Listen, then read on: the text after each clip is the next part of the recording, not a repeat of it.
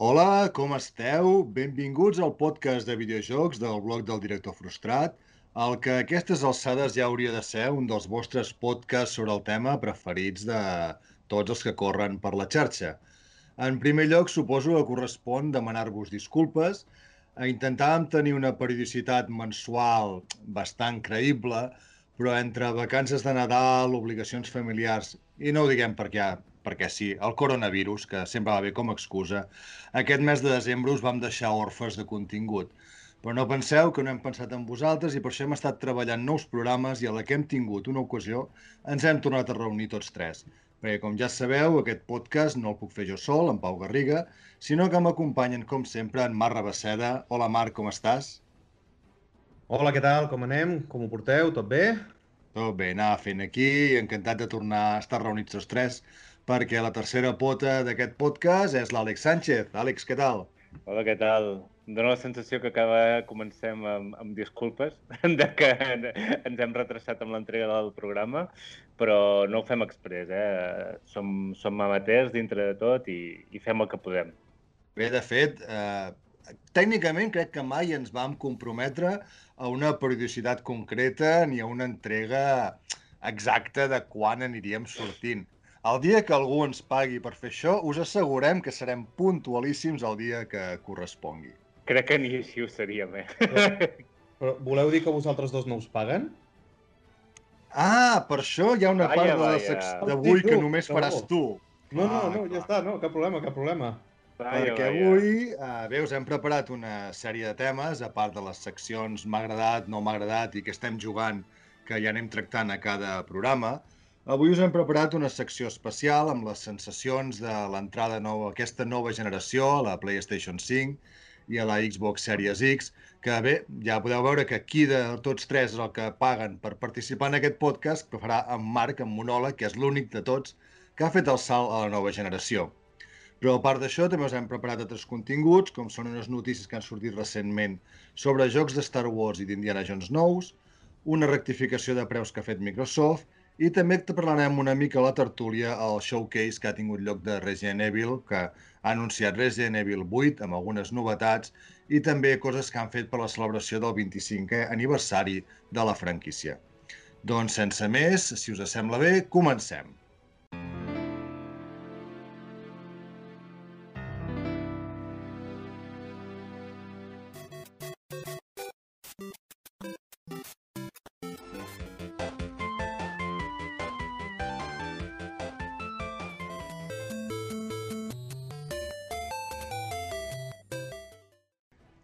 Doncs bé, els fans de dues de les sagues cinematogràfiques més famoses i totes protagonitzades pel senyor Harrison Ford, estem d'enhorabona, perquè per una banda Bethesda va anunciar amb un teaser un joc nou d'Indiana Jones i per altra banda s'ha confirmat que Ubisoft està treballant en un joc nou de Star Wars en món obert a càrrec de Massive Entertainment, que són els responsables de, de The Division. Uh, a veure, què en penseu d'aquesta notícia? Qui vol començar? Va, doncs ja començo jo. Uh, primer de tot, uh, aviam, qui, qui no està content que torni Indiana Jones? No? Diguem que és, és una franquícia que porta molt de temps no, no, en barbecho, en el qual no acaba de tenir des del que, que deu fer 15 anys que no té un bon joc. Llavors, bueno, que l'agafi Machine Games, perquè de fet és, és la, que, la que ho té, que ja té experiència amb Tactanazis, no? amb el mm -hmm. Wolfenstein. Llavors, això és molt bona notícia. I, i, el, I el tema de que Star Wars torni o, o deixi d'anar de la saga no? d'Electronic Arts, jo crec que també hauria de ser una notícia molt positiva per tothom perquè, siguem realistes, no ha anat bé aquesta llicència, aquesta sessió de llicència. Jo tinc la sensació que els hi han tret la, la llicència o els han compartit la llicència, perquè això encara no està, no està segur, justament quan han tret dos bons jocs eh, de Star Wars. Sí, uh, però... Jedi... Clar, sí, sí, sí. No, no, ah, però n'han cancel·lat molts. El problema no és, no és els que ha tret, perquè els quatre que ha tret, recordem, han tret Battlefront 1, el 2, el Fallen Order i aquest uh, Squadrons, Squadrons, es diu? Sí. Els quatre són bons. No fotem el que passa és que la quantitat de projectes que han arribat a cancel·lar abans d'aquests fins i tot EA s'ha carregat a estudis que estaven fent jocs de Star Wars, com Visceral Games. Jo, jo que crec és que veritablement el titular seria a Disney se li han inflat els ous. Sí, a més sí, a més, si tenim en compte que uh, el contracte de d'EA em sembla que expirava uh, el 2023, si no vaig llegir-ho malament. Sí, però el truco, el truco, a veure si l'entenc bé, és a dir, ells tenen... EA pot publicar jocs segurament fins al 2023, llavors ells ja pacten amb Ubisoft que entenc, entenc que el joc s'entregarà després del 2023. O no ho veus així? Jo no n'estaria tan segur, jo crec que poden ser llançaments simultanis, tot i que uh, Ubisoft ja ha dit que el joc aquest de Star Wars tot just està en una fase molt, molt incipient i que, bé, no, no, no seria descartable també que just quan acabés el 23 la llicència DEA que treguin uh, el rumorejat a uh, Fallen Order 2 eh. o una altra cosa, uh, després sigui el torn d'Ubisoft que al cap d'un any o així ja hagi acabat de desenvolupar aquest joc i, i empalmin la llicència. Sí. Uh, no ho sé, mm, fet, no tenen data. No, però bueno, jo, jo per números aniria cap aquí, eh? Mm. I de fet, últimament estan sortint rumors de que EA té bastant a punt el Battlefront 3, el Fallen Order 2 ja el donem tots per fet, i s'està rumorejant que algú està fent un Knights of the Old Republic, però no se sap qui. I diuen que no és EA. Diuen que no és EA, que és algú, un grup famós, però que no se sap qui és. I jo també he sentit rumors de Force Unleashed 3. Mm. Hòstia, però no va, anar, no va anar bé, eh, el 2. Ja, no. ja, per això em va sorprendre sentir-ho també. Però, I també no, no són canon, no? Uh, L'Unleashed no, diria que no. No, no, no són, ni l'un ni el 2. És que jo diria que directament això no existeix. També es parlava d'un joc estil d'acció, suposo que una mica arrel de, de l'èxit de The Mandalorian. Jo crec que aquest, per mi, és el d'Ubi, eh? El de Mandalorian? Sí. Pot sí, ser. Sí, sí, sí. Enganxa molt bé, eh? Mandalorian amb el tema de Division i... Exacte, i aquesta gent saben fer els jocs de tiros i tot això, els controlen bé. Jo, sense tenir ni punyetera idea de res excepcional, jo, jo el, el posava en allà. A mi, a mi em dóna la sensació que directament Disney el que està fent ara és anar per, eh, per projectes i no per empreses. Sí, ja ho han dit, eh? Que sí? ells es, sí perquè es veu que ve des de... Va, així, és a dir, posant una mica en context, eh, el, que ha, el que ha fet Disney ha sigut recuperar una mica el Lucasfilm Games. Llavors, a partir d'aquí, aquests són els que fan una mica de tutela dels projectes que donen. I segons ells, per exemple, va ser Bethesda que qui se'ls va costar per recuperar la franquícia d'Indiana Jones. Llavors, no descartis que també fos Ubisoft. Aviam, tots coneixem els punts forts d'Ubisoft i et fotran un mapa molt ben parit el, joc, el, el gameplay també estarà molt bé i és una empresa que agradarà més o menys els seus jocs, però fa jocs bons i amb una relativa constància, no, no és com EA. No, no, i, i Division, l'únic problema que, no tinc, que, que li ha passat és que no ha tingut èxit, però és, és un joc, per mi, dels millors d'Ubi. De, de, el Pau hi va jugar molt, el primer, no? El, el, no. En Pau té el primer i ha ah, jugat vale, 15-20 minuts. Recordem ah. la meva manera de jugar als jocs. És veritat, perdó. No, però, però jo, jo, jo crec que això, a, a, a mi l'única coseta que em sap greu, però bueno, és, eh, és simplement aquell punt de nostàlgia que dius, ojalà també hagués passat, és que haguessin reactivat també amb, amb això de Lucasfilm Games, que venen a ser només una forma de decidir qui fa què, haguessin reactivat el punt aquell de LucasArts, de la nostra LucasArts d'aventures gràfiques i tot això, que no, que no, no és el cas, eh? però, però fe, feia, feia il·lusió i al veure ressuscitar una miqueta... La...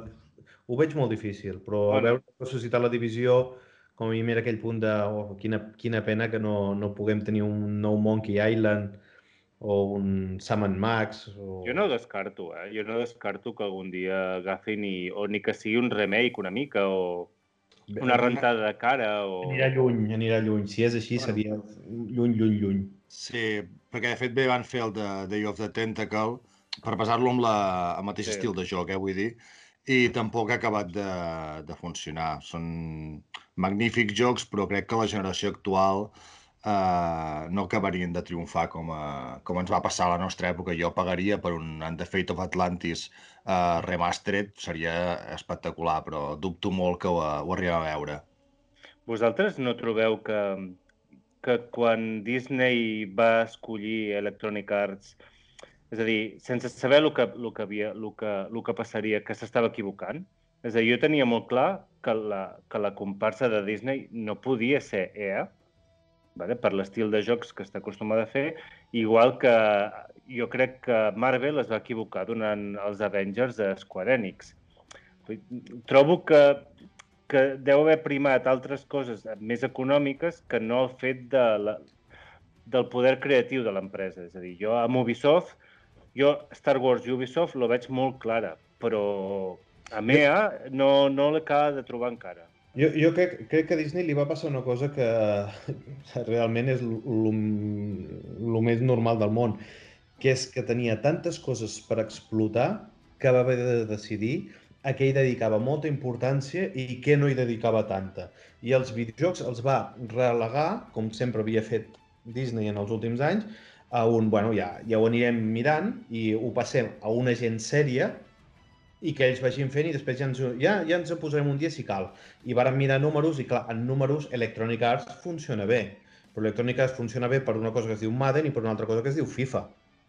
Sí, Val? però creativament no són bons. Però Disney no estava mirant el creativament, ja, ja. perquè ells en aquell moment eh, creativament estaven pensant en jo crear eh, mantenir i acabar de finiquitar tot el que era l'univers Marvel de la primera fase, recordem-ho, uh mhm. -huh. estaven plantejant-nos un Disney Plus que encara no havia Plus, que havia sortit que encara no havia sortit i que els hi preparava una hòstia bestial, tenia preparada l'expansió dels quatre parcs d'atraccions a la vegada amb un piló de zones i a part el seu CEO estava pensant en jubilar-se.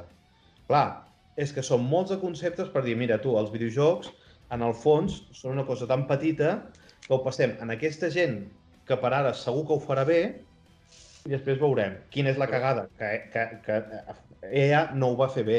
Però no ho va fer bé no perquè els jocs no estiguessin ben plantejats, ja ho has dit tu, Àlex, el, els quatre jocs per mi són bons, però el primer, sense modo de història, que en un joc de Star Wars, mm. en el meu entendre, eh, qualsevol producte de Star Wars de consum una miqueta, que no, no sigui una joguina, ha d'augmentar uh, una miqueta la història, el lore, ha, ha, ha de tenir una miqueta sí. de petita pinzellada més. Ho van arreglar amb el 2, veritablement, el 2 té una, un, un modo història que funciona. M'hi fots les caixes de loot, però de la forma més salvatge possible. Hòstia. I després... Allà va entrar Disney a, a muerte, eh? Clar, allà és quan els van renyar de veritat. Tens un altre estudi que t'hi havies deixat un piló de calés, que no sabrem mai què va passar, que se'n va a la merda, que és el de Visceral amb la, amb la directora aquella que hi varen ficar-hi. La... És amb l'Amy Hennig, no? I la, després la Jade Raymond. I, i la, la, la Pratchett també estava per aquí, si no m'equivoco. La Pratchett normalment no treballava més amb Eidos, Montreal? Hòstia, no, no, jo diria que se n'havia anat... Amb... Ara ho estic dient així a l'atzar, eh? però Bueno, però l'Amy Hennig li van muntar gairebé... Uh, a l'estudi. La, la van posar gairebé allà perquè fes un joc de Star Wars en 3D. Sí, sí. I, i l'Uncharted, l'Uncharted de Star Wars, sempre s'havia dit. I, I després tens el, el Fallen Order, que ha funcionat molt bé i que veritablement és un bon joc, però si us, si us en recordeu aquell E3 que Electronic Arts no podia ensenyar res y le iban a a Zampela y le iban a dir, bueno, tengo un juego muy chulo que os voy a enseñar cuando pueda. Vale, això a nosaltres si ens va fastiguejar. Imagina't en els de Disney. Quan van veure que la presentació de l'E3 ensenyaven a un pobre xaval que els de Disney segur que no tenen ni puta idea de qui era, dient, mm, dentro de un any quizá tenga un juego. Clar, jo crec que allà van implosionar i van dir, tios, eh, podeu fer més jocs, si aquests funcionen, potser us en deixaré fer més, però això de que vosaltres teniu l'exclusiva, los cojones.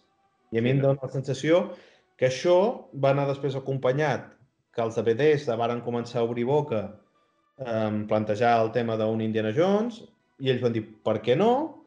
I d'aquí van dir, tu, anem-ho repartint tot, anem-ho repartint tot i al meu entendre és el millor com a usuaris que ens podria passar.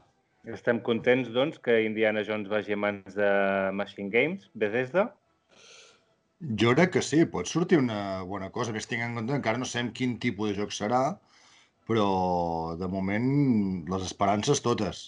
Espereu un joc en primera persona o en tercera? Tercera. Jo espero que sigui en tercera, uh, la veritat. M'acostaria veure un Indiana Jones uh, en primera persona, i, i espero que sigui en tercera, però bueno, en tot cas, a, a veure què, què ens acabaran traient, perquè hem vist que un teaser de, de 20 segons o poqueta cosa més. Sí, és que res, és que al final res. I, i després, heu, eh, la, la controvèrsia serà exclusiu? Depèn, depèn de És- quan es és- firma aquest contracte, abans o després. No, Clar. però, però fins i tot, fins i tot el, el, perquè tothom està pensant en això del contracte, però Bueno, el, el que no pensen és que Microsoft té molt bona relació amb Disney. Molt bona relació. És a dir, recordeu els Kinect, per exemple, en el moment aquell, qui va Mm. fotre tres llicències de Kinect per la patilla va ser Disney. És a dir, Ah. no, no, no estic parlant de que sigui, clar, que sigui un exclusiu, però jo no ho descartaria tant com ho fa alguna gent pensant en que eh, no li interessa a Disney perdre a, a, aquest, gru- aquest punt de mercat o que, eh, diguéssim, tots els usuaris de Play. A Disney, sincerament, els usuaris aquests al final li bufen perquè sap que si ho fot en Xbox i en PC té un, un gran mercat i l'altre, doncs, a veure, tampoc és que es vengui poc eh, la, la consola de Xbox a la majoria de, del món menys a, a Àsia. Clar, Àsia és un, un altre... Bueno, tin- tingueu en compte que sigui com sigui exclusiu o no, els usuaris de Xbox el primer dia tindran aquest joc eh, inclòs en el Game Pass i ja està. Mm -hmm. Això sí que ho podem assegurar. A mi això és el que em fa dubtar del tema exclusivitat, perquè tens una llicència com aquesta amb la pasta que et pot haver costat fer-lo i el tens amb Game Pass a Day One a, a Xbox, uh, com a mínim al cap d'un temps l'has de tenir a, a Play. Sí, jo no ho Podria tinc clar. Jo, jo ja no ho tinc clar, Que, això. que jo s'han ja gastat no... 4.500 milions. 7.500. Set, és veritat, 7.000, que, que, que no els hi ve de 150 milions més. Jo fa temps Ja, que ja. dic que jo em gasto aquests calarons i no surt ni un joc en Play. Sí, sí, A veure, I, jo, jo opino el mateix, però després... Eh, però després la- números i... Sí, sí. És allò que No, no. diuen... Allò que deien de que mirarien joc per joc, no sé si us en recordeu que va Sí, sortir... sí. Pot ser, Jo- també pot ser. No, eh? mirarem joc per joc. Jo faig això de mirar joc per joc i donc a Play el Minecraft. Ja està, res més. Però me'ls miro, saps? És a dir, jo me'ls miro joc per joc. No, no, no, no. Minecraft, sí, aquí tens. I, i, i, i sí, amb un punt de despreci, però no perquè a Play li tinc jo, diu, al contrari, m'encanta, però és que m'encanta més una miqueta de d'aquí, com les hòsties quan hi havia Sega i Nintendo, saps? Una petita bufetada, un cachete... De fet, ja saps que, de, que el Deathloop, no? El Deathloop va... i el Ghostwire Tokyo també sortien en Play, vull dir. Sí. El Deathloop em fa mal, el Ghostwire Tokyo, bueno... mm, El, Death, el Ghostwire Tokyo no em fa gens de pena. Eh? Sí. que surt d'aquí, però... Jo- No, no, potser no, Shin- Shinji Mikami potser s'ha de jubilar. deixar els psicòtrops com a mínim. Bé, el resum seria que, que estem contents, com deia l'Àlex, estem il·lusionats i que jo crec que ja haurem fet tots tres el cert de la nova generació quan aquests jocs vegin el llum. Per tant, eh, esperem gaudir-los i que, que bé, que no ens emportem una decepció.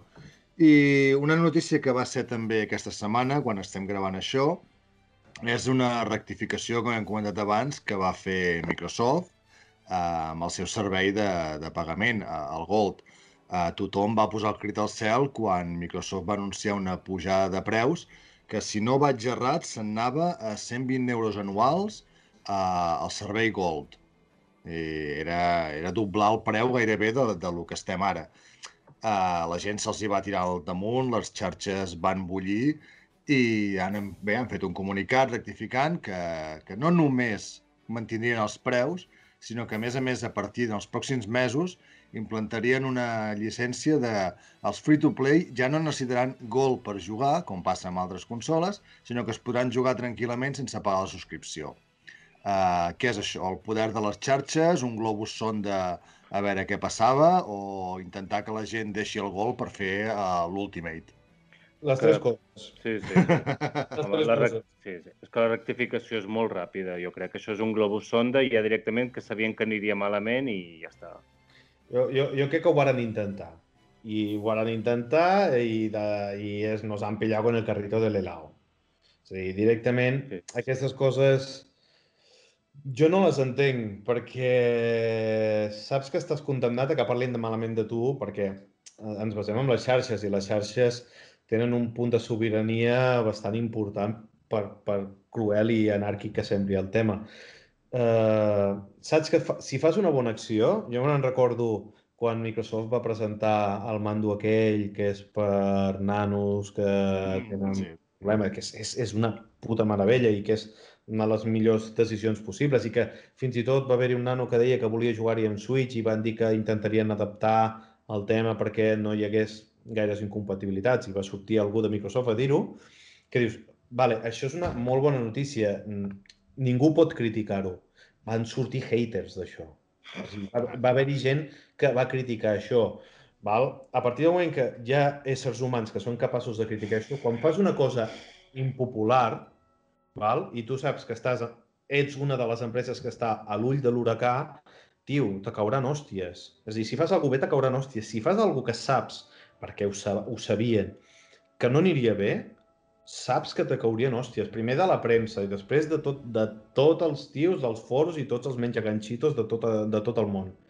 pues és el que va haver-hi. Per mi és una cagada i va ser una recollida de cable, però ja tenim l'anècdota. I tant per tant, tu el que has de fer és o elimines el Gold, elimines el Gold i a prendre pel cul. I que tot sigui Ultimate, si vols. I després el que has de fer és elimines el Gold, deixes l'Ultimate o, una, o, o fas una versió de Game Pass una miqueta més light, el que tu vulguis. Però si vols fer això, elimina el Gold, perquè si fiques aquell preu al Gold és estúpid tenir-lo. Mm. I el que fas després és dir, ah, i a part, tot eh, aquests jocs, eh, els free-to-play, ara seran gratuïts de jugar amb el live. I ho fas en aquell moment i estàs enviant doncs, un, un missatge normal i un de bo si fas aquesta forma, primer sembla que has enviat un missatge dolent i després, ai, perdona, perdona, perdona, i aquí tens això per, com demanant disculpes perquè tu a l'usuari li, està, li devies alguna cosa, que és el que ha semblat al final. No, no només farem allò, sinó que a més a més us donem això. No us enfadeu amb nosaltres. Hòstia, tios, que estàvem fent una filosofia totalment diferent. Aquí, per mi, el, la, la comunicació aquí, Microsoft la va, la va, la va cagar per, tot i que és una xorrada i una tonteria, però la va cagar, no feia falta. Estem veient unes cagades de comunicació en general que m'acosta d'entendre que totes siguin, totes siguin cagades i no coses que estiguin fet a posta. De fet, no sé si us en recordeu que va haver-hi un temps en el qual es rumorejava que es treia el Gold, que es passava tot gratuït i que la, i que la gent pagués per l'Ultimate. I ja està. És que, de fet, eh, des de fa bastant de temps, per exemple, el Gold anual ha desaparegut de la tenda online de Microsoft tu podies comprar de 3 mes, de mes de 3 mesos, però l'anual eh, no hi era, el podies trobar, evidentment, amb targeteta física, però el propi, o sigui, la pròpia eh, botiga de l'estore de Microsoft eh, no hi era. Mm, I això et feia pensar molt de que, bé, el que estàvem dient ara, que el gol estava condemnat a desaparèixer perquè el servei que realment val la pena i que crec que van d'explotar eh, és l'Ultimate. Potser, com diu en Marc, amb alguna versió soft, alguna versió... Diver, diversos nivells d'Ultimate, no sé com... o de Game Pass, mm. no sé com plantejar-ho, però evidentment que avui en dia tenir Go tot sol eh, ho veig poc pràctic, sobretot parlant de, de l'Xbox, eh? vull dir, no, no, mm, no, no hi veig el sentit. I més encara al Llumbreres que se li va ocórrer no pujar 10-15 euros. O sigui, doblar el preu. Mm, sí, sí. No, no, he, he de fer-lo un producte impopular per eliminar-lo. En, en, eh, el següent pas era eliminar-lo. I el meu entent és, per què fas aquest pas del mig? No el facis, elimina-el directament. Si tu tens clar que, que és un producte que ja està caducat, que no, no, no té cap intenció mercantil, mercantil cap a tu, mercantil, bueno, no, no tens sí. cap intenció sí, sí, sí. a aquest producte, elimina'l, però no me'l facis impopular hòstia, forma part del teu ADN, no me'l facis impopular. Això és com eh, tenir un restaurant de puta mare i abans de voler-lo tancar, pues ara no, ara doncs el faré molt més car, ta, ta, ta, i tot i que els altres siguin millors, jo aquest el faré més car, més car, més car, i després el tancaré perquè és que ningú me ve. Hòstia, si veus que no, tanca'l ja i ja està. No fem aquí el peripé. Per mi és un error de... Ja dic, no és greu, però no hauria de parlar-ne gairebé més perquè no, no val la pena, però, hòstia, nens, tios, que no, no sou de primer de carrera. Sí, sí. Però bueno, això es va resoldre ràpid, llavors ja està. No? Sí, sorprenentment ràpid el que, sí. el que comentàvem. Vull dir, jo crec que el tuit de disculpa ja gairebé el tenien, eh, si no plantejat o gairebé escrit, gairebé. I, no sé, de notícies, el que havíem comentat així una miqueta... Jo, jo en, tinc, en tinc una més, és molt ràpida. És, eh, seguim sense Nintendo Direct. Però ja han dit que ja no en farien més de Nintendo Direct. Qui ho ha dit? Jo no he vist cap comunicat, eh? Se rumoreja que han canviat la, la manera de, de publicitar i que ara hi haurà anuncis com més directes, però que no es faran Nintendo Direct a l'uso. De fet, fa temps que van dir que s'estaven plantejant de canviar una mica tota aquesta manera de comunicació. Vale. Per ara, per ara, com no tenim una nova comunicació, la vella, que és la que tenim, no la tenim. I és la no notícia. Mm. No tenim Nintendo ni... Joder, Nintendo, tio, ja, hòstia, ja toca, No. eh? Aniversari aquesta- del Zelda. Anava a dir, què estàs esperant? O sigui, què, què, Joder. què, creu, què, hi ha, la, què hi ha que valgui la pena fer un Nintendo Direct ara? Breath of the Wild 2, El puto Bayonetta 3, el Metroid 4, què cony faran a, amb, la, amb els Marios? Mm. Uh, han comprat un estudi. Què cony volen fer amb aquest estudi? Informació això no, una miqueta. això no ho sabràs tampoc. Però Bayonetta 3, Sí, Breath of the algú, Wild 2... algú. Sí, sí. Metroid Prime, què passa amb ells, també? Sí. Metroid no ho saben ni ells què estan fent amb el Metroid. Bueno, Ja de fet, ara. de, de fet, sí, perquè van cancel·lar tot el que havia fet Bandai Namco. dir, tornem a començar. A mi el que realment m'estranya, que no sé si és perquè ho volen fer entrar... És a dir, jo Breath of the Wild 2 el tinc clar que surt aquest Nadal, ¿vale? a no ser que amb el tema del Covid tots els hi hagi anat a la merda, perquè sí que hi havia rumors de que Nintendo s'havia vist molt afectada. Entenc que el volen fer amb els 35 anys i tot, però el dia que, que van presentar el Breath of the Wild 2 semblava que era una mica una expansió, no una expansió, però una mica com la mateixa idea que el Majora's Mask. Agafem els mateixos assets, els, els hi donem una mica de volta i us traiem un joc. No sé si recordeu, però de Ocarina of Time a Majora's Mask hi va passar un any. Mm. Però clar, portarem, aviat portarem 4 anys des que va sortir el Breath of the Wild i ben bé aquest joc deu portar 2-3 anys en, no, en programació. Per tant, o se'ls ha fet alguna molt gran o aquí hi ha hagut un algun problema. Però com Metroid, que no sabrem res, Zelda barrejat amb Metroid, alguna cosa d'aquestes, aquí, buscant aquí un multiverso com Marvel. Què cony estàs fent, Nintendo, tio? Ja. Necessito Ja. informació? Ja. No em val fer fotos amb Pokémons. Amb fotos amb Pokémons no, no tiro jo, ja. Hòstia puta. no, i el Bayonetta 3 també porta 3 anys anunciat i no sabia res, eh? Res, res, un puto logo. Però el Bayonetta 3 existeix? L'estan Sí, sí. desenvolupant o no existeix, això? I pregunten en Camilla, molt sovint se li pregunta en Camilla, i ell sempre diu que el joc va bé. I, de fet, l'última que va dir, va dir que... Què va dir? Exacte, que aquest, esperava que aquest any podria donar notícies. Però clar, tio, jo què sé. Jo, jo, jo d'en Camilla també he de dir que jo, jo vaig participar en el crowdfunding de, del Wonderful 101 i, Va ser tu! sí, vaig ser jo. I si realment la seva la forma de parlar i com compleix les coses és com va complir lo del crowdfunding, T'ha ja podem bloquejat o no? T'ha bloquejat Eh? el Twitter? Estàs Com, com? bloquejat per en No, Camilla no, o no, no? no, soc, soc del... Perquè era una, una del, del Kickstarter era que et, et bloquegés en Camilla. Sí, sí, sí, molt, molt, molt salvatge, molt salvatge. Ai, senyor, és d'aquells jocs que bé, eh, o veurem o es tornarà un mite com el Half-Life 3 i sempre, sempre anirà sonant i no, no l'acabarem veient. Per al bé de l'Àlex espero que sí. Ai, sí, sisplau. I bé, si us sembla, eh, entrem una miqueta a- al gruix, el, de fet, el tema que havíem escollit com a tema central per, a, per al podcast d'avui, que és una miqueta eh, com ha sigut aquesta entrada, ara que ja portem que un parell de mesos, eh, amb les dues noves consoles aquí. I bé, deixem el micro en Marc eh, perquè ens expliqui una mica què li ha semblat, quins jocs li han agradat, coses dolentes que puguin tenir o coses que es poguessin millorar, i després ja et farem uh, algunes preguntes que ens puguin interessar, Marc. Molt bé, doncs eh, fare, farem un resum primer de tot el que és eh, la part de les consoles i l'experiència eh, d'usuari de comprar-la, la caixa, etc. I després anirem una miqueta a fer una miqueta del resum dels jocs, de, de les sensacions i tirem milles. Serà bastant ràpid din de, dintre de lo possible. Primer de tot va arribar la Xbox. Uh, si esteu acostumats a comprar una consola Microsoft, el que ja sabreu és que normalment el tema del packaging i tot el cuida bastant, que vol dir que tu agafes la caixa, la caixa s'obre com un cofre, la consola està molt ben embalada i quan tu obres la consola doncs és una consola ben maca, com es veuen en les fotos, no, les fotos no enganyen gens, la notes de bons materials i bueno, una instal·lació normal, no dona problemes, molt silenciosa, es col·loca vertical, l'engegues, instal·les, actualitzes i després el primer problema, que vulguis o no, si vens de l'altra Xbox, el menú i tot és igual. És a dir, la primera sensació que tens és és la mateixa puta màquina. És la mateixa... però amb 500 euros menys a la butxaca, eh? M'han timat, però, però de mala manera. I després instal·les els jocs i veus que els jocs van molt més ràpid, tenen un, una qualitat d'imatge molt més bèstia, però tornes a mirar el menú i dius però és que no t'acabo de creure, però és la puta mateixa màquina.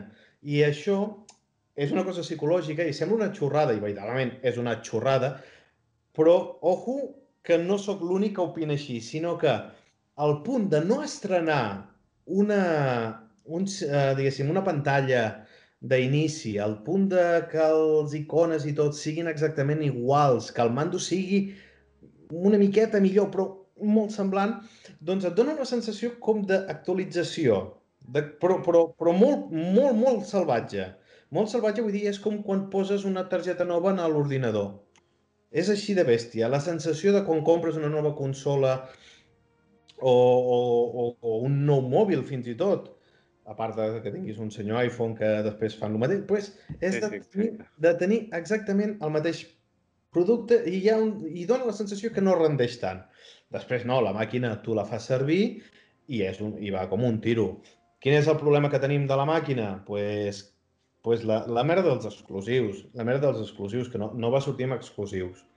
I això eh, també et dona la sensació de mig gas, és a dir, és guai, està bé, però hòstia, me falten coses, me falta una nova, ima una nova entrada de, més espectacular, vull que la consola farti una miqueta, no me fiquis la, la pantalla aquesta d'inici que ha de funcionar per One. Hòstia, que justament la varen fer per One perquè la One no tirava i tens una pantalla tristíssima d'inici, que tens la màquina més potent del mercat, fes-me alguna xulo, que, que em rebentin els ulls. Vull tenir epilèpsia, tio, fica'm purpurines i merdes allà. No em fiquis una cosa sobre... Pulsa aquí, ja, instal·lando. Uh, després de hardware, la màquina funciona a les mil meravelles, les coses com siguin. És extremadament silenciosa, el lector és d'aquestes versions de lector que no fa gairebé soroll. Uh, quan tu instal·les un joc és extremadament concret i senzill. Bueno, si heu fet servir una Xbox és exactament mm. el mateix. Simplement i afegeix el concepte d'aquesta nova generació, és a dir, l'edició de sèries X i S, i a més a més, quan tens un joc que pot ser per les dues, és a dir, que com te compres el joc per la Xbox One, però també t'ha de regal la versió de la Xbox Series X, doncs et surt molt ben diferenciat quin dels dos jocs t'estàs comprant. Per tant, és extremadament intuïtiva, i això sí que és cert. Bueno. Aquesta part és bona. Després, mm el mando té eh, unes petites modificacions, és una miqueta més petit, s'agafa més bé i a mi em dóna la sensació que la resposta és molt bona i conserva un defecte, tot i que l'ha millorat, que jo sempre critico a Microsoft. Quan tothom parla molt bé del seu mando, que és cert, sempre eh, jo li noto una mancança en el recorregut dels sticks. És a dir, quan tu mous els sticks, has de forçar una miqueta perquè comenci a actuar amb Sony, amb, amb, la, amb la Play això no passa. A la mínima que tu, toco una miqueta, el recorregut ja comença. Mm. I aquí sembla que s'ha rectificat, però es manté. Això, per la gent que juguem a competitius sense ser competitius, és a dir, els miserables que intentem fer alguna cosa sense ser bons, i no ens gastem 200 o 300 euros en un mando, ho notem molt, molt i molt, perquè hi ha aquesta petita mancança en el moment de voler girar per disparar, que no pots fer-ho com amb altres mandos si podries. A part d'això, perfecte, el tema de la xarxa el detecta perfectament, eh, els jocs es baixen relativament ràpid, la velocitat de transició, allò que parlaven que la Play seria molt més ràpida, jo les trobo més o menys per l'estil. No, no, no he fet comparatives una a una, però trobo que les dues són màquines molt, molt ràpides i queda molt bé al cantó de la tele. vale? Això per part de hardware. Ara anem a l'altra. La senyora Play. Doncs quasi tot antagònic. Tot antagònic vol dir que quan agafes la puta caixa és una puta caixa que sembla de xino. És una caixa mal feta, mal... Com, com la de la Play 4, que ja quan sí. la treus de la caixa la majoria es trenquen. Que dius, tios, feu alguna cosa ben feta. Però bueno, no passa res perquè tornem al mateix. Això és cada empresa com, com vol decidir. Però sí que et dona la sensació que estàs comprant un producte de més baixa qualitat. Agafes, obres i tot, l'empaquetament i tot, cutre, cutre, com el de la Play 4, és a dir, tot embolicat amb el clàssic paper trans d'aquest transparent, blanc, eh, no sé, no, no, no és una experiència entre cometes premium com t'està venent Microsoft. I després tu agafes i finalment doncs, obres la consola i quan tens la consola a les teves mans, efectivament la consola no és una puta consola premium. Els plàstics es noten més cutres, el disseny es nota totalment un desastre, és lletjíssima. El plàstic negre del mig és la cosa més aberrant del món, perquè saps que quan tu la freguis per treure la puta pols, que hi va com un puto imant, doncs ratllarà la, la consola. I, efectivament, la consola ratlla la mia que intentes netejar-la. Per tant, a partir d'ara, la meva està tota guarra i que la doni. És així. és lletja a morir, és alta, és una andròmina totalment... És que és, és, és, és, és horrible, pobreta la col·loques, instal·lació igual de senzilla que, que la Xbox, i després engegues la instal·la, el, el tema del sistema operatiu, la forma d'instal·lar, doncs com les altres plays, tot bé, i després instal·les un joc. El lector és una puta merda. El lector fa un soroll de mil dimonis. La consola és extremament silenciosa, però el lector és un cabron cridaner de tres parells de collons. És a dir, no para. I dius, bueno, però això és mar... quan, quan instal·les el joc, sí. I cada hora que el cabró comprova que el joc encara està dins. Mare meva. Sí que és un minut, però tios, és a dir, si vols fer-ho de la comprovació, me fots un lector silenciós. I si no vols fer-ho de la comprovació, doncs no passa res perquè durant mitja hora que s'instal·la el puto joc m'estigui cagant en tot, perquè sembla que tingui la rumba o el Dyson o el que cadascú tingui a casa seu, doncs aspirant, perquè fa molt de soroll. Un desastre.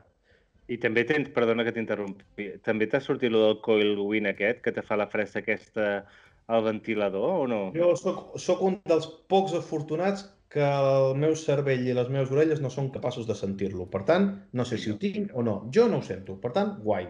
Vale.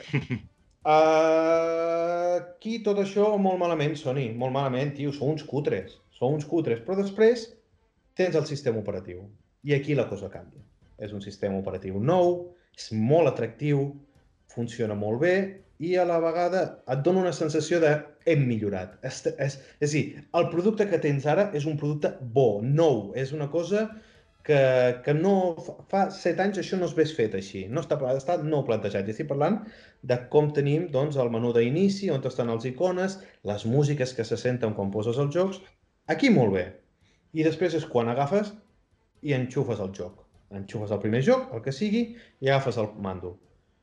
I en el mando dius, me cago en la puta, que cabrons.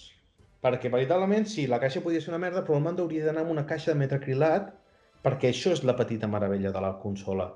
El mando no només té uns acabats premium, és a dir, el mando sí que dona molt bona sensació, sinó que qualsevol cosa que tu li demanes al mando, el mando t'ho torna al doble. El tema de la vibració està molt, molt, molt, molt més explotat del que diu la, la gent quan, quan no l'ha tocat. El comparen amb, amb, el, amb, el, amb la vibració àptica de, bueno, la vibració òptica de la Switch. Que era... Bueno, és una vibració HD, li deien. Sí, bueno, uh, los cojones. És, em, fa, em fa molt de riure que diguin això quan veritablement no té, no té res a veure perquè simplement ja amb la forma del mando és molt, molt diferent i les sensacions es tradueixen eh, d'una forma molt diferent. I a la vegada també tenim el tema de, dels, dels gatells, del force feedback, diguéssim, en els gatells, mm -hmm. aquest, aquest recorregut i aquesta pressió que és, és un punt i a part. És, és un punyetero punt i a part. És una meravella. Molt bé, tenim el hardware de les dues màquines. Quina altra cosa tenim? Quan tu encens la Play, doncs et ve un joc de regal un joc de regal que sí que és molt curtet, és un plataformes que t'ensenya totes les meravelles de la consola, des del tema de les velocitats, el tema de, del, de l'HDR, com el fa servir, el tema del mando, d'utilitzar totes les funcionalitats, i vulguis o no et dona la sensació que a més a més has tingut un producte extra. I a part d'això, doncs tens un catàleg d'exclusius per poder disfrutar de la màquina. Per tant, quan compres la PlayStation 5 et dona la sensació totalment d'estar comprant una màquina com, com, com m'hem comprat sempre, quan anàvem a comprar la GameCube, quan anàvem a comprar la Play 2, la Xbox i tal, et dona la sensació d'un producte nou perquè tinc els meus jocs exclusius nous que no pots jugar en lloc més, tinc, no sé, és, és una experiència com de producte nou en, en tots els aspectes. Després, l'altre problema que té és que, com he dit, que la Xbox és molt, intu molt intuïtiva, aquesta no ho és. Aquesta vegada sense voler t'estàs baixant el joc de la Play 4 quan te voldries estar baixant el de la Play 5. Té petits er errors d'aquests que costen molt de, de demanar un repàs perquè és el que dic, s ha, s ha, té falta concreció. Has d'entrar dins un submenú, indicar la versió que vols baixar-te, després els jocs que et volies que te regalaven quan tenies l'edició de Play 4 i els podies tenir gratuïtament de Play 5, si eren digitals alguns no funcionaven. bueno, ha tingut un, un, una entrada també una miqueta complicada amb, amb temes de, de disseny de software. I bé, eh, després, quan un cop jugues, doncs, les sensacions de les dues màquines doncs, són molt bones quan estàs a dins del joc i les limitacions les marca el mateix joc. I si un joc és bo, serà bo en les dues màquines i si un joc és dolent, serà dolent en les dues màquines. I jo aquí sí que trobo que hi ha un canvi en eh, l'element diferenciador amb les altres generacions que ens parlaven sempre de no, és que l'important és uh, la tassa de refresc o les línies, quan, quan, a quina resolució està jugant el joc, o és que aquí mm, no funciona també això, o té un DLC que fins aquí un mes no sortirà l'altre. Aquí a mi em dóna la sensació que l'element diferenciador, si tens les dues màquines, o a mi m'està passant, és el puto mando de la Play. És a dir, el mando de la Play em dona una experiència tan diferent i, i que suma tant que directament a mi m'és igual la resolució. Jo vull jugar amb aquest mando. I això és el que em fa pensar que ja s'està comentant que Microsoft actualitzarà el seu mando. Mm, sí, sí. Que, que és el que ha de fer. Aquesta tecnologia jo dubto molt que no hagi vingut per quedar-se. És, és un avenç i els que juguem a jocs tipus Call of Duty i tal, clar, és, és, és, és un altre, és, és absolutament jugar un altre joc. I amb això parlo directament de les consoles. I ara faré, he fet una anàlisi de tots els jocs que m'he passat de nova generació durant el mes de desembre, perquè el gener no he pogut jugar, perdoneu, però sóc així, i eh, res, és una anàlisi amb un resum d'una paraula o dos, val? que vol dir una pinzellada. Després, si voleu preguntar alguna cosa, no digueu. Però començarem. Spider-Man Miles Morales. Spider-Man 1.2. No 1.5, eh? 1.2. No, 1.2, 1.2, 1.2, no, no ens flipem. Assassin's Creed Valhalla, llarg. Demon Souls, boníssim. NBA 2K21, pay to fun, no to win, to fun. És a dir, si tu vols passar bé, has de pagar. Uh, Call of Duty Black Ops, feels, és a dir, sensacions, sen, sen, és, és, és increïble. Aquí, aquí sí que pot, eh, aquí sí que s'utilitza, no?, els gatillos és, i tot. És, és, és, és absolutament demencial, és demencial.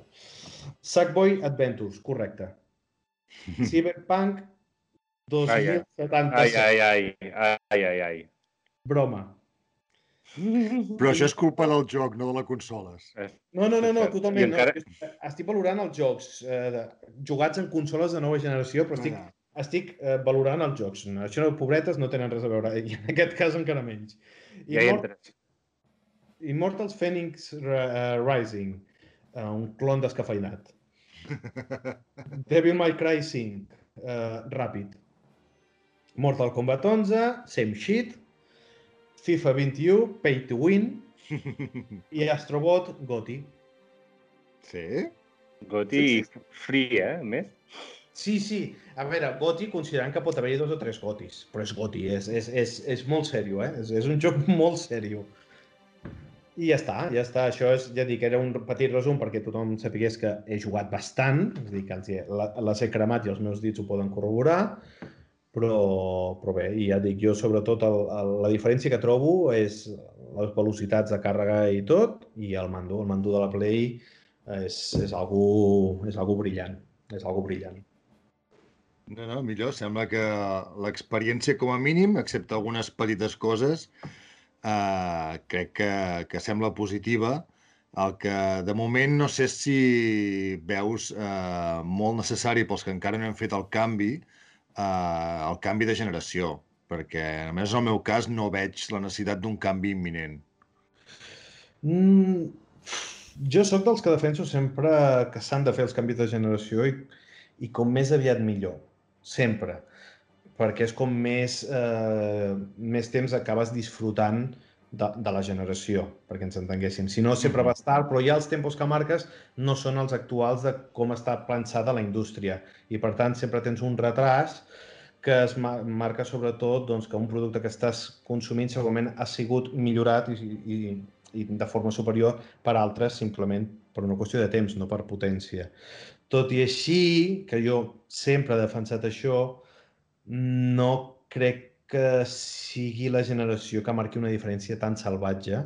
Uh -huh. No, no perquè no la tingui, perquè per mi aquesta generació, el salt és molt, molt, molt més salvatge que el que va haver-hi de Play 3 a Play 4, però molt més.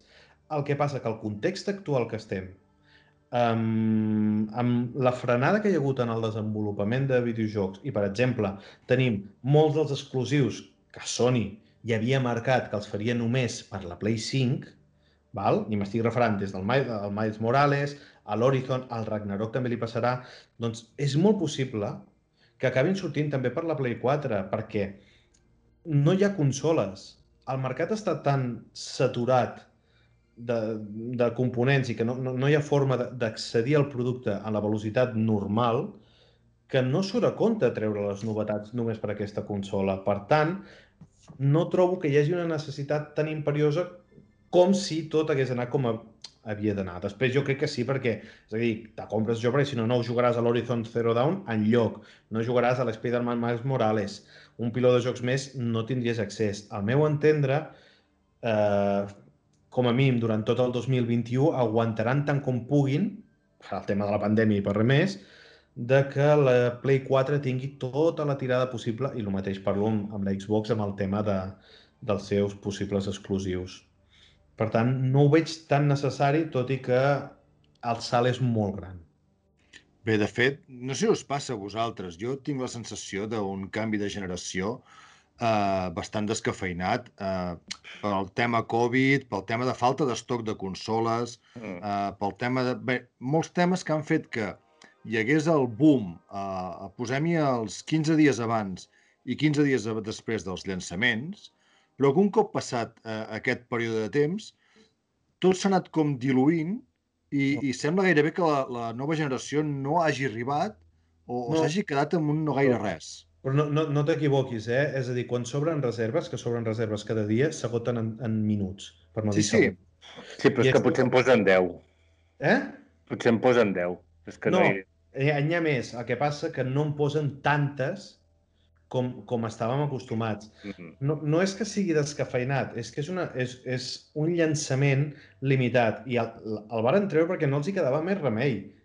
Perquè no podien retrasar-ho. Tothom diu, oh, és que jo ho hagués retrasat. No pots... I on te guardes les consoles?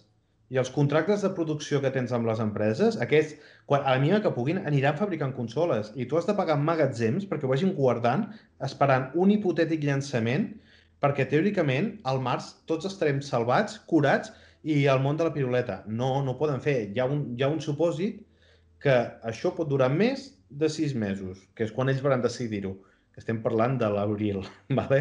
Em diu, tu, que pot ser que al Nadal encara estiguem en pandèmia. Imagina't. Clar, és el que dic, eh, és una decisió que ells saben que això els hi haurà l'estrat aquest, aquest any, però jo trobo és que no, no els hi quedava més remei i el tema del descafeinat és és un llançament limitat, però és que és limitat com tots els productes que ens estem menjant en, en, en època Covid. És que eh, la frenada que ens ha fotut en tots els aspectes, això, menys en distribució alimentària, és bestial. És bestial. Jo, jo estic una mica amb la mateixa lectura que en Pau. Eh? Uh, um, ha sortit una nova generació i a mi m'és igual. Vale? M'és igual perquè, a diferència de tu, Marc, jo fins que no tinc un joc exclusiu, com a mínim, que em fa canviar de generació, eh, no, no desembolso aquests diners. I no el veig, a part del Demon Souls, que vaig tenir un moment allà una mica de la cura de dir, ai, que me la compro, em compro el Demon Souls, a part d'això, fins que no surti el Ratchet Clank, no hi veig cap, cap tipus de necessitat però, de canviar de generació. Però això t'havia passat sempre. perquè la M'ha Play 3... passat sempre. M'ha passat Eh? sempre. M'ha passat sempre. Vale, eh, què vull dir? No és aquesta generació. No, no és una- aquesta, però, és dir, però- però sempre, és a dir, per això, d'aquí la importància dels jocs de sortida. Vale? No, jo, jo, jo crec que això, això va, va, va per un altre cantó, eh? I és, és molt més fàcil quan extrapolem això a, una, a, a un altre contingut de consum. Quan ha facturat Wonder Woman? Poc, Quan va facturar Tenet? poc. Vale. Uh, anem a productes més així. Quin és els productes que estan augmentant en consum? Doncs el que és el servei pur, diguéssim, de consum a la, te- a, a, a, diguéssim, a la televisió. Això, això està... No, és a dir, el tema principal és que ara mateix, i que aquí és on es basen alguns economistes, que també em fa una miqueta de por de fer vaticinis de què passarà quan és molt difícil, digués, bueno, és impossible, que diuen, no, quan sortim d'aquesta crisi, de cop hi haurà un creixement bestial, perquè la gent començarà a consumir a lo bèstia. bueno, tranquil·litat. Però sí que és ni- No veritat... sabem ni què passarà d'aquí dues setmanes. Ah, exacte. El, el que ells veuen és una cosa que sí que està demostrada, que és que hi ha una crisi de consum, però no per falta de poder adquisitiu, sinó perquè la gent ha frenat el consum. D'acord? I això, per suposat, tot el que és oci és el primer de llepar, com ha de ser, només faltaria. I d'aquí que no es vengui tant com s'hauria de vendre o no hi hagi aquesta sensació d'explosió. Però també li passa, per exemple, a, a Apple quan ven el seu mòbil o al Samsung quan vendrà el seu. Sí, ho petaran, però sempre serà menys, perquè hi ha aquesta situació així. El que ells dedueixen és que quan això acabi, explotarà cap a l'altre cantó. Bueno, està bé, és una possibilitat. De- Depèn de com acabi. Jo, és- sí, jo aquí ho, ho veig descafeinat. És una... Jo entenc, eh? I, i ets un, ets un, ets un addicte a, a la nova incorporació, però és una, és una generació que tal com ha sortit, ha sortit coixa. Coixa de contingut. Jo, jo estic, no hi estic d'acord. Crec que la generació anterior va ser molt més coixa el seu llançament. Bueno, és que jo, molt, vaig, molt- jo vaig començar dos anys després, eh? Bueno, el, pensa que el llançament de la- l'anterior generació va començar amb Sony venent una PlayStation 4 perquè la venia perquè la, la consola que li feia la competència l'havia cagat moltíssim, que era una consola que sortia amb un Kinect. Vale? Una consola lentíssima, que no funcionava. I si mirem Nintendo, quina consola havia tret en, aquella, en aquell impàs, estem parlant de la Wii U, que era una consola que per anar al menú d'opcions tardaves un minut. Ojo, que allò és la generació de la crisi econòmica del 2008, que va ser fent consoles barates i que tiri per, per barat. I és el que hem tirat fins ara. Aquest canvi és molt més salvatge. I veritablement, el llançament o la sortida, per exemple, de Sony, jo estic d'acord, no hi ha hagut cap consola de Sony que hagi sortit amb un catàleg millor que el d'aquesta vegada. Totalment segur, totalment segur. I a més a més, amb la previsió d'un segon any tan salvatge per part de Sony. A part de que Microsoft no es quedarà curta, perquè com a mínim ja tenim el senyor Halo, que, que ho hem dit, sí serà. Jo crec que el tema del descafeinat, primer de tot, costa molt valorar si és descafeinat o descafeinat si ja no sou usuaris del First Day mm, Shop, és a dir, de, de no comprar el primer dia. Val? Perquè després és quan notes quan hi ha un, un brum-brum, com aquesta gent que comprem les, els productes de, del primer dia, notem si hi ha una situació de desencís. Aquesta situació va ser-hi, per exemple, amb l'Xbox One el 2013. Allà sí que hi va haver-hi, però només amb Xbox. Aquesta vegada jo veig les dues marques venent-se a uns nivells molt salvatges quan ja es toc i el desencís ve perquè és que veritablement no hi ha una intenció de consum salvatge i tots els productes s'estan retrasant esperant aquesta divina explosió positiva que ens han de donar unes coses que, que són conceptes teòrics però no, no, no veig en cap moment un desencís, a part del que dic, el desencís que hi ha en tot. En la gent, com prepara unes vacances i diu, bueno, ja veurem si les fem, amb la gent que va al cinema i diu, ja veurem si l'estrenen, la pel·lícula, amb la gent que es vol comprar un cotxe, amb la gent que vol fer tot, hi ha un desencís ja social, que va marcat per una puta pandèmia, i això, per suposat, mar marca eh, la forma d'interpretar els jocs i d'interpretar fins i tot quin moment volem consumir i com ho volem consumir. No jodes, és la compra de videojocs més trista que he fet en ma puta vida són aquestes consoles. Sí, no, clar. té res a veure, no té res a veure amb les màquines, té a veure amb, amb la situació actual, perquè a mi m'agradava anar a les botigues i parlar amb els companys, parlar de les ventes, parlar que aquesta ha fet tal pulla i tal, i aquestes les vaig demanar perquè me'ls portessin a puta casa. I em va venir un missatge i vaig dir, què a les ventes? I em va dir, tio, firma ja. I jo, pues, què tal? Pues, Sí, pues tot- és això. sí, tot. Tot s'ha de dir que és, és molt trist no poder anar a la botiga a comprar-la quan tu vulguis. És molt trist, és molt trist. I, No, primer, primer perquè no n'hi ha, i segon perquè les botigues moltes estan tancades, vull dir. No, no, i que els hi han fotut aquí unes normatives, no, no l'Estat, sinó les botigues mateixes, estan tractant a, a, als seus treballadors i la forma de tractar el producte que és que ja sembla finalment que estiguin tothom a punt de tancar. No, no tenen cap motivació alguna per, per tornar a envellir el producte. Cap motivació. No sé, Pau, si tenies alguna pregunta més per en Marc després de l'espeech que ens ha fet. No, no, no, m'ha semblat molt curiós això que la consola no sigui capaç de detectar per ella mateixa quina versió s'ha de descarregar. Ho trobo uh, un, un atras increïble. O sigui, tu estàs amb una interface de PlayStation 5 i te baixes un joc de PlayStation 4. Uh, que la consola sola no sigui capaç de detectar això, uh, ho, trobo, ho trobo increïble, vull dir, no, no ho És entenc. com demana planificació, això. Cal, cal, dir, cal dir que hi ha jocs que ho fa bé, eh? És a dir, però el que estic parlant és que hi ha jocs que ho fa malament. Que això és és que no, no ho entenc. Això és el que no entenc. Com Jo pot ser que tampoc. un joc eh, mm, es quedi allà així com dient quina versió vols que em baixi? A veure, gilipolles, estàs una Play 5, quina vull que em baixis? Entenc No que Microsoft tot això ja ho ha planificat com una estratègia global i en aquí cadascú ha de fer, entenc, joc a joc, no? Sí, sí, Microsoft, Microsoft això ho té, ho té per mà. Però... Sí, però a veure, qualsevol navegador, qualsevol mòbil i qualsevol cosa d'avui en dia és capaç de dir-te amb quina versió t'estàs connectant, des de quin tipus de mòbil o ordinador t'estàs connectant, i fins i tot si ho fas des del lavabo o des de l'habitació.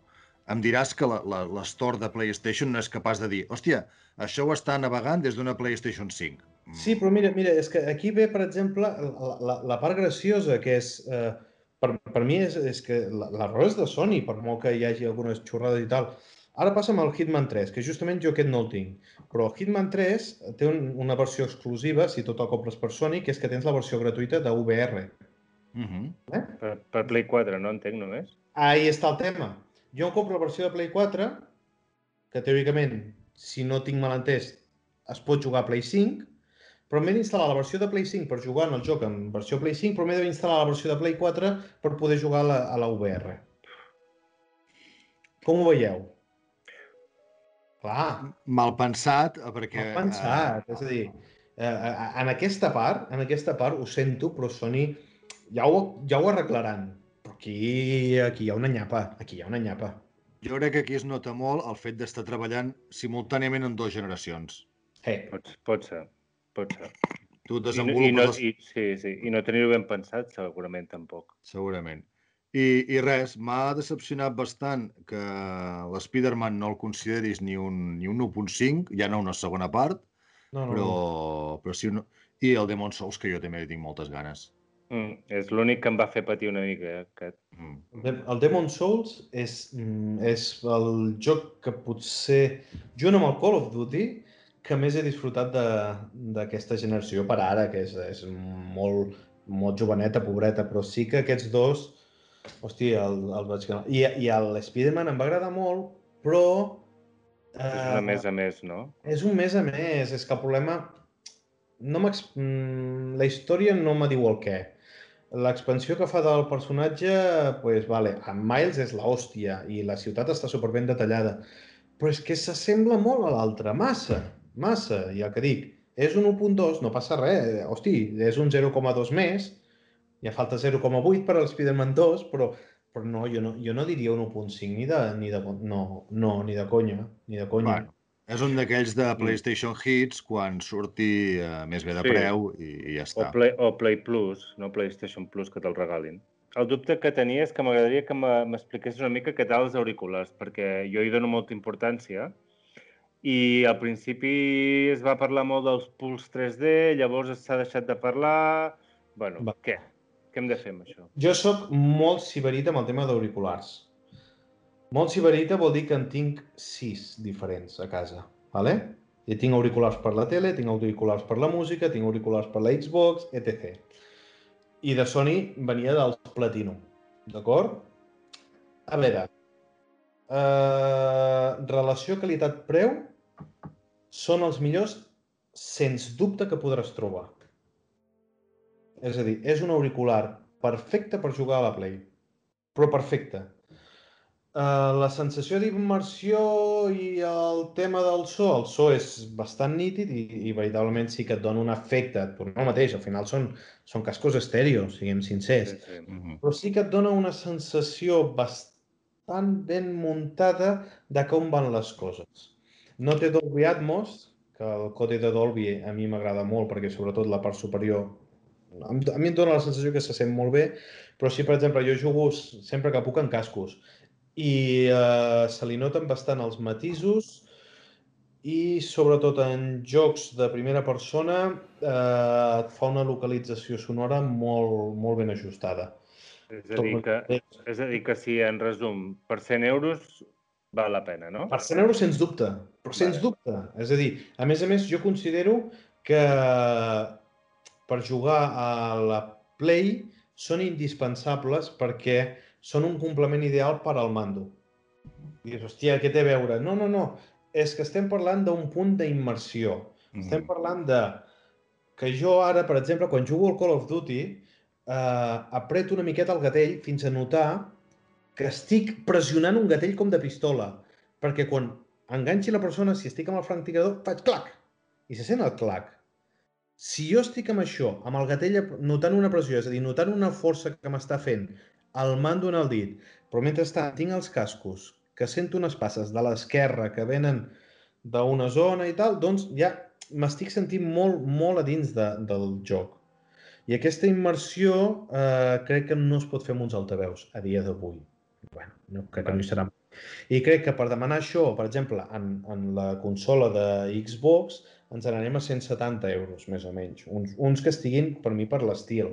Per tant, per mi, per 90 euros, que els pots trobar a vegades, són un regal. Són un Vale. regal. Jo sí que trobo que és absolutament necessari. Valents. Molt bé, doncs si no tenim res més, si us sembla, eh, avancem una miqueta. Eh, el següent tema que volíem tractar és eh, bé, eh, el showcase de Resident Evil 8, o bé, un, un general de, de com està anant la saga Resident Evil i la celebració del seu 25è aniversari. De fet, curiosament, lligat amb el tema que estàvem parlant, un altre joc que eh, fa el salt de generació cap endarrere, perquè al principi era exclusiu de nova generació i, i per sorpresa s'ha vist presentat també per, per, per PlayStation 4. Uh, jo no la vaig veure en directe en el seu moment, la vaig veure més uh, passats uns dies. Uh, jo el que vaig veure em va agradar molt. Vull dir, crec que agafa la idea del Resident Evil 7, traient una miqueta més, crec, la part uh, d'immersió, terror, i potser centrant-se una miqueta més amb el shooter, per lo que hem vist. Uh, visualment, evidentment, jugat en PlayStation 5 eh, és una meravella, vull dir, jo els gràfics que he vist són, són increïbles i realment temptador, vull dir, si aconsegueix ser mm, ja no més, sinó només tan bo com va ser el Resident 7, eh, jo ja em donaria per satisfet. Sí. I fins i tot, si us hi fixeu, té coses... Jo també l'he vist coses del Resident Evil 4, amb el tema de la gestió de l'inventari, Correcte. i una mica, i una mica aquesta ambientació, no?, del poble, quan en Leon el 4 arribaven al poble d'espanyols que estaven cremant els guàrdies civils, saps? No, i el que no acabo d'entendre massa és el tema dels homes llop i els vampirs, però bueno, entenc que serà una mutació del virus fet per Umbrella i, i endavant. De Però fet, bé, a mi l'argument em sorprèn, perquè tenim uh, l'Ethan Winters, que era el protagonista del 7, que passa a ser protagonista d'aquest nou 8, i bé, ens, veure com lliguem els dos, també lligat amb això que diu l'Àlex, perquè si us hi fixeu, la, la caràtula té aquesta part de, de mitja cara d'home, mitja cara de llop, tenim les dones vampirs, aquelles que corren per allà al mig, i no sé si és això que Capcom ha fet una espècie de, de spin-off eh, que ja els vampirs són total, eh, els vampirs, perdó, els zombis són totalment secundaris i entrem en altres mitologies o, o com anirà, mm, no ho sé, a veure què, què tenim a partir d'aquest moment. Es poden dir spoilers del set? Millor que no, no? No? Bueno... No, millor que no, és igual, vull dir... Bueno, jo doncs, doncs no, només dir que ja el set ja marcava un, un canvi de tendència amb el Resident Evil, amb, amb, amb, amb temàtica, eh? no només amb el tema del, del punt de vista, sinó que hi havia moltes altres coses que, que ja en el ja no hi sortien. I això també, també ara ho, ho hem de tenir en compte. Jo he jugat a la demo, perquè va sortir la demo ah, també. Mira, vaig... ho, ho tenia apuntat per preguntar-t'ho, això. Vaig sortir mm. espitós a, a baixar-me-la, perquè jo la, la demo del, del set la vaig disfrutar molt. I primer, a veure, jo sóc molt fan del set, ho he dit moltes vegades, i tot i que és un joc que té alt i baixos, considero que és un dels millors jocs de, de l'anterior generació. Ah, però no els van posar, ningú va posar en el top, eh? El què? Jo el vaig posar a fill pròdig, no? No, ningú el va posar al lloc, no? Crec que no, crec que no el van posar. No ho sé. Jo, jo és que sóc molt defensor eh, del, del set. No, jo crec que aquí els tres, vull dir... Un, un, un dels pocs articles que hi ha meus en el, en el, en el director Furustat és sobre... El... Ah, pot ser, és veritat? El 7, és que tinc molt, molt de carinyo. A mi em dóna la sensació que com el 7 van fer com una adaptació de La Matanza de Texas i, i similars, aquestes històries que basen molt al True Detective, al folklore eh, americà, d'aquest així, aquest es basarà més, en, per exemple, amb La Cumbre Escarlata, d'en Guillermo del Toro i, i històries una miqueta més tirant a aquest punt una miqueta barroc.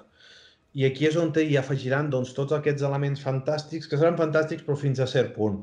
Jo crec que, acceptant tot el que li has d'acceptar a un Resident Evil, vist el que hi hem vist, mm. eh, crec que la història pot, pot tenir una lògica. Després, el de la portada és en Chris Redfield, eh? Sí, el que és mig llop, mig de llonsis és en Chris, sí. No, no sabem si és mig llop o és simplement un joc, perquè també poden jugar a l'engany, però el, el, el personatge de la portada és en Chris. I després sí que en el tràiler llarg eh, ja explica una miqueta la continuació, com, com és que és la continuació del set. És a dir, hi ha una, surten uns personatges que sortien en el set i te posen un context. Mm -hmm. Si no heu jugat al set, millor no mireu el tràiler perquè en el tràiler hi ha spoilers. Així... I, I jugueu al set, que val molt la pena. És una meravella. I jo li tinc moltes ganes. I després la demo a mi em va deixar molt, molt, molt indiferent. Visualment és un 10 visualment, bueno, un 10, jo què sé, està molt bé, és, un 10 és una forma de parlar, però sí, és, la, visualment és molt impactant, però la demo és molt curta, eh, no em va sorprendre, com l'altre em va deixar absolutament amb el cul partit, aquest no, és totalment ordinària, i no m'ha no convençut del tot. El que passa que sí que t'avisa diguem, tu, aquesta demo no, no té res a veure amb el joc. És a dir, això és una cosa... És, és, és una pinzellada del que veus. I la demo no m'ha agradat, però la pinzellada que m'han ensenyat té molt, molt, molt bona pinta. Jo estic totalment a dins, però la demo l'he trobat totalment una puta merda. Perdó. Jo és el que anava a dir. Fa més pinta a demo tècnica Totalment. que va ser només per dir, mira, uh, això és el joc que estem plantejat i el joc va per una altra banda. Rotllo el que va passar amb el, P, amb el PT. Sí. Que era demo tècnica per veure què volem fer. S'ha sí, sí, no, aprovat la demo, bé, doncs també. fem el joc. I també pot ser que facin com varen fer amb el set i d'aquí un temps fer una actualització i que hi fiquin algunes cosetes a dins, perquè sí que el punt d'interacció que et dona sí que dona peu a, a poder jugar més amb, amb els elements que hi ha. Això amb, amb la demo del set ho van fer i aquesta també és possible que ho facin. Ara, la demo que jo he consumit, que hi ha molta gent que està flipant, per mi la demo és una merda, és a dir, no, no, no m'aporta res. El que passa que sí que veig, dir, hosti, el tauler de joc aquest és molt xulo. I segurament això serà molt guapo. Ara, el que he viscut fins ara és una, ca una cacota. De fet, ells ja han dit que hi haurà una nova demo més jugable eh, cap a l'abril, pot ser març-abril, que hi haurà una altra demo. Vull dir que... Primavera, han dit, sí, que, mm. que sortiria per primavera. I, I al final res de VR amb aquest o què? Per ara no diuen res. No, no ho crec, vull dir, doncs, no, no ho han anunciat, però bé, tampoc van anunciar que sortiria per generació anterior i ho han fet ara per sorpresa. Però bé, el que sí, una altra sorpresa que vam tenir, que van anunciar, és el Resident Evil uh, Reverse, no es diu? Uh, la moda del Fortnite passada a l'univers uh, Resident Evil. A més, amb uns gràfics, el shading, eh, barreja amb No. estranya. Jo crec que és intentar, que dubto que els hi surti bé, però és intentar això, la, la gent que juga a Fortnite, Overwatch aquest tipus de jocs multi de, de disparar-se i intentar agafar una mica d'aquest nínxol de mercat que ara mateix no tenen. Que deixin de fer experiments amb el Resident Evil multijugador. No en surt bé cap. Ja Cap. està, això. I Quina ja està. tonteria. I no, no, no, no, no, que no forcin més, tu. Si, és a dir, en el Resident Evil 3 van fer aquella mena de Resistance, que és un trunyo, eh, van treure aquella l'Umbrella Chronicles, que és un trunyo, vull dir, prou, ja No, està. no, no, no, no, no funciona, ja està. Ja està. No, però tens un grup de becaris que els has de fer fer alguna cosa, Pues que facin si més el joc això- més llarg. que porti més llarg. cafè. En el Resident Clar, en el Resident Evil 3 sembla que ho van posar per dir el joc és curt, us donem un multijugador. No volem el puto multijugador. No, Fes el joc més llarg i ja està. No, o community managers, o jo què sé, però que no me facin això, perquè és, és aquell moment de la, de la vergonya aliena. És a dir, què, què, què, què estic veient? Sí. Què, Doncs- És a dir, la frase és, què merdes és això? Què merdes? Ho van presentar com la seva manera de celebrar el 25è aniversari de, de la saga Resident, que jo vaig trobar, dic, hòstia, molt bé, no? És la... O sigui, vas a celebrar-ho, porto lo grande, hem esperat potser un pack amb els tres primers Residents o alguna cosa i, i surten amb això. Ningú els va avisar. És a dir, no hi ha ningú a l'empresa de tots, de, de tots els protocols que devia passar abans de- d'arribar a la presentació. Ningú els hi va dir us ho heu pensat bé de dir que això és la celebració? És a dir, en sèrio? No passa res. L'alt- El 8 serà l'hòstia. I a més a més s'està sentint veus d'un parxe del 7 cap a nova generació. Perfecte. No, no me feu coses d'aquestes. No sé shadings, no vull, no vull tots els personatges barrejats. No, no els vull barrejats. Deixa'm... De, que. Vols Jo, parar? jo m'esperava alguna del 4 remake, eh? A part de les notícies que han, rumors que han sortit, jo potser m'esperava allà una... Li treus importància en el 8, a 4 mesos de llançament, No, no, ja ho sé, ja ho sé, però jo què sé, al final un, No, un detrás de ti imbècil. no, jo, jo si realment surt un parche del, de l'edició per nova generació del 7, és el que hagués anunciat al final, que és una cosa de dir, tu, i el parche aquest d'aquí un mes el teniu, per fer boca de cara al 8. Però que no un faria... bundle, no? És el que anava a dir, tenen un bundle game Sí, de, ja, amb el a, 7 i el 8. Xbox, a Xbox com a mínim sé que hi ha un bundle, però el que, el, el que no faria mai ara és ni anunciar el 4 ni res. Tu, el, la nineta dels ulls ara és el 8 i surt ara. I, I no vull ni multiplayers, ni 4 ni res. Això és el joc, això és la polla i ja està, i adeu-siau. Si per mi el problema ha sigut va ensenyar allò del cel shielding aquest, que és que mare de Déu santíssima. No li dediquem més temps, tu.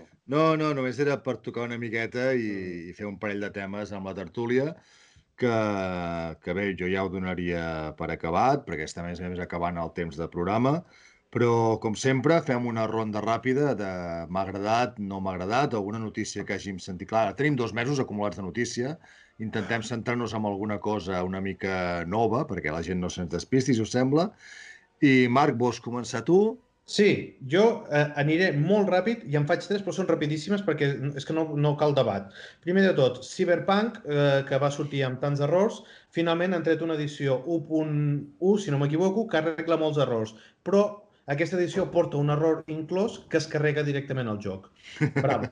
Estem en Després- t'ha agradat o no t'ha agradat aquí? On El, estem? el què? En quin El- apartat estem? Hate o Ah, like? sí, m'agrada, perquè ara el, el, el Cyberpunk és el pallasso dels videojocs, per tant, com més ridícul que fer, millor. Després, eh, m'agrada, eh, parlo del servei tècnic de Nintendo. Vaig haver d'enviar la Nintendo 2DS del petit que la va destruir de forma execrable fa un temps i tu, un 10, el servei l'envies directament aquí mateix a Espanya, s'envia a Madrid, però en tres dies em van donar un pressupost, sub, és a dir, extremadament transparents, i en una setmana la tenia tornada amb un manual explicant, li varen, li varen netejar les pantalles i a més a més amb una factura que explicava detalladament on s'han deixat tota la pasta. Un 10, és a dir, em sembla magnífic perquè justament no, no sol haver-hi aquest, aquest sistema tan i tan transparent amb, amb les marques. Després, l'últim és, eh, la Play 5 eh, té un bug que no el té tothom, que és que a vegades quan desinstal·les els jocs l'icona es queda bloquejat en la pantalla d'inici. i cada cop te va ocupant la pantalla d'inici que en té, per exemple, 8 icones, doncs de cop només en pots fer servir 5 perquè 3 estan en jocs que has desinstal·lat. I no pots accedir, no pots fer res. L'única forma que pots fer per arreglar-ho a dia d'avui, que no hi ha solució, és formatejar la puta consola. I això no m'agrada. I jo, com tinc el toc, que dic, sí, que només jugo dos jocs, però és que avui els icones i tot ben posat, perquè si no em poso nerviós, doncs ahir o abans d'ahir vaig, vaig formatejar la punyetera consola perquè ja no suportava veure aquests maleïts icones. Aquí acabo. Gràcies. Va, Àlex, els teus m'ha agradat, no m'ha agradat. Bé, el meu m'ha agradat. Eh, m'ha agradat i me retractaré d'una cosa que vaig dir a l'últim programa, és que m'ha agradat i m'està agradant molt el Persona 5. És a dir, i, bueno, en el seu moment vaig rajar i he pogut superar el, el, la barrera inicial de, de dificultat fent una mica de farmejant al principi, però l'he aconseguit superar. A partir d'aquí la cosa realment millora. És un joc que realment no és per tothom, però déu-n'hi-do l'atenció al detall i déu-n'hi-do la qualitat que té el joc en general.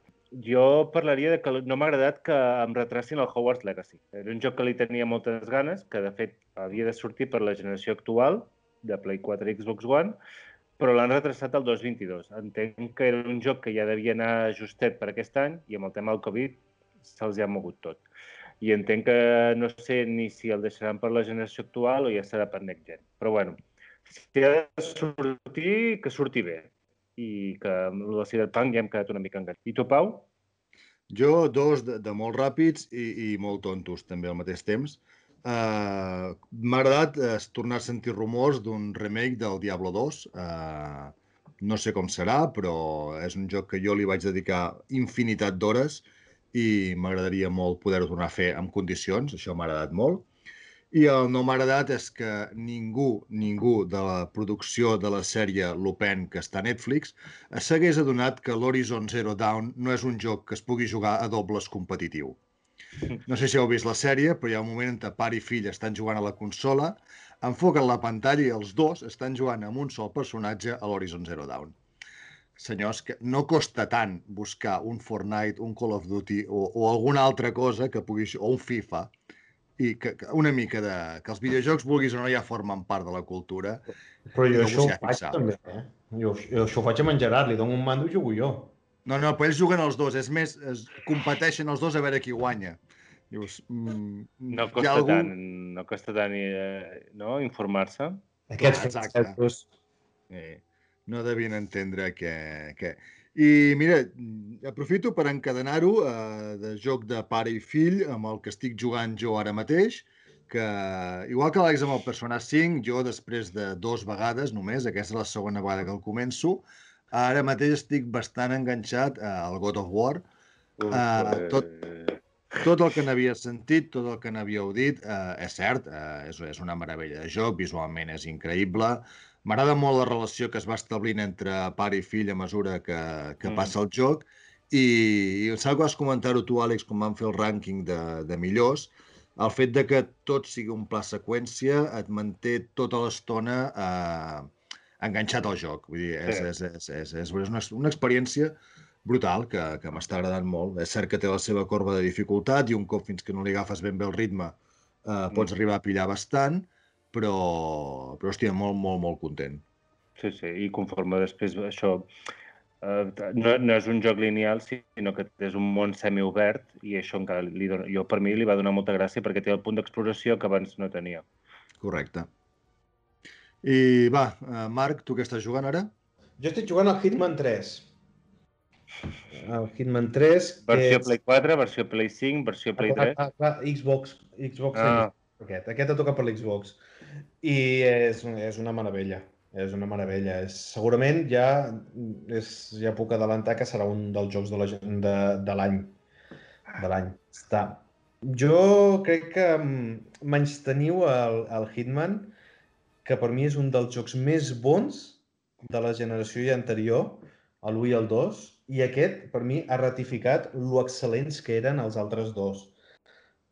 Mm, I justament tu, Àlex, crec que el tema del disseny dels nivells que té és molt, molt superior a la majoria de jocs que et pots trobar. És, és a dir, si no m'equivoco, t'agradava molt el Dishonored, no? Sí, sí, sí. Pues això, és una, això és tres vegades el Dishonored o quatre. I aquest en concret ja he passat per, per mi el millor nivell d'infiltració que ja bueno, que he jugat en els, últims, en els últims anys. És molt, molt i molt bo.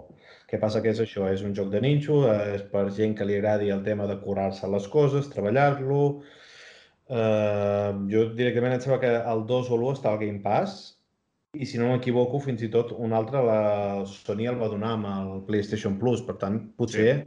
El teniu disponible. No estaria de més, si us agrada una miqueta els jocs de disseny de nivells, que el provessiu perquè és algo extraordinari i aquest és, és, un, és un 10. Bueno, de fet, les ventes i les notes estan pels núvols. Tard o d'hora no. mirarem de sí, tornar-hi. Sí. Jo també, Àlex? algun dia, algun dia li donaré la volta. Aviam, jo eh, ja us he dit que estic jugant de moment al Persona 5 i ara només em focalitzo en això, però durant aquest temps que, que hem estat una mica així descansant, eh, m'he passat el Paper Mario de Origami King. Um, més o menys ja, ja us havia fet una mica així a, a, pel canal privat de una, el que pensava, hem d'assumir que ja no es fan Paper Marios estil la porta mil·lenària, Nintendo ha abandonat la vessant més de joc de rol de, de Paper Mario, i ara el Paper Mario és una aventura. És una aventura on la, de tant en tant es lluita amb el problema que, que es lluita però no s'obté no experiència. Vale? Per tant, la motivació per lluitar no existeix i el, uh, les mateixes mecàniques que es fan servir a la primera lluita gairebé s'apliquen al cap de 30 hores quan t'has acabat el joc. Per tant, uh, han de fer alguna amb el tema de, dels combats. Deixant de banda això, és un joc super divertit, un disseny d'escenaris molt xulo, un, un sentit de l'humor super divertit i amb alguns homenatges molt guais, com li deien en Marc abans, que homenatgen, per exemple, el Wind Waker. Vale? Per tant, si teniu l'oportunitat, proveu-lo, molt divertit. Ara, eh, hem d'assumir que els combats és un tema que Nintendo s'hauria d'anar preocupant. Doncs bé, eh, molt bé, ens estem acostant a, al límit de temps, per tant ja només ens quedaria acomiadar-nos i, i no prometre-us, però sí que intentarem mantenir la nostra regularitat i de cares al mes de febrer tornar aquí amb vosaltres a, a parlar de videojocs, notícies, a veure si l'Àlex s'ha aconseguit acabar el Persona 5, jo he acabat amb el God of War i en Marc ha jugat a 3 o 4 jocs més i ens els pot explicar. I res, eh, recordeu que ens podeu trobar els tres a les xarxes socials, que aquest programa el podeu escoltar tant per iVox com per Spotify com per Google Podcast i que si us ha agradat qualsevol comentari serà benvingut i sobretot que el compartiu a les xarxes amb gent que també li pugui interessar el tema. Uh, Marc, Àlex, uh, ho fem sovint en privat, però també és un plaer fer-ho de cares a la galeria amb tothom. Uh, parlar amb vosaltres sempre és aprendre alguna cosa nova i una experiència molt i molt enriquidora. Nois, uh, fins a la propera setmana o propera setmana o quan sigui. Una abraçada molt gran. Ja. Vinga, adeu.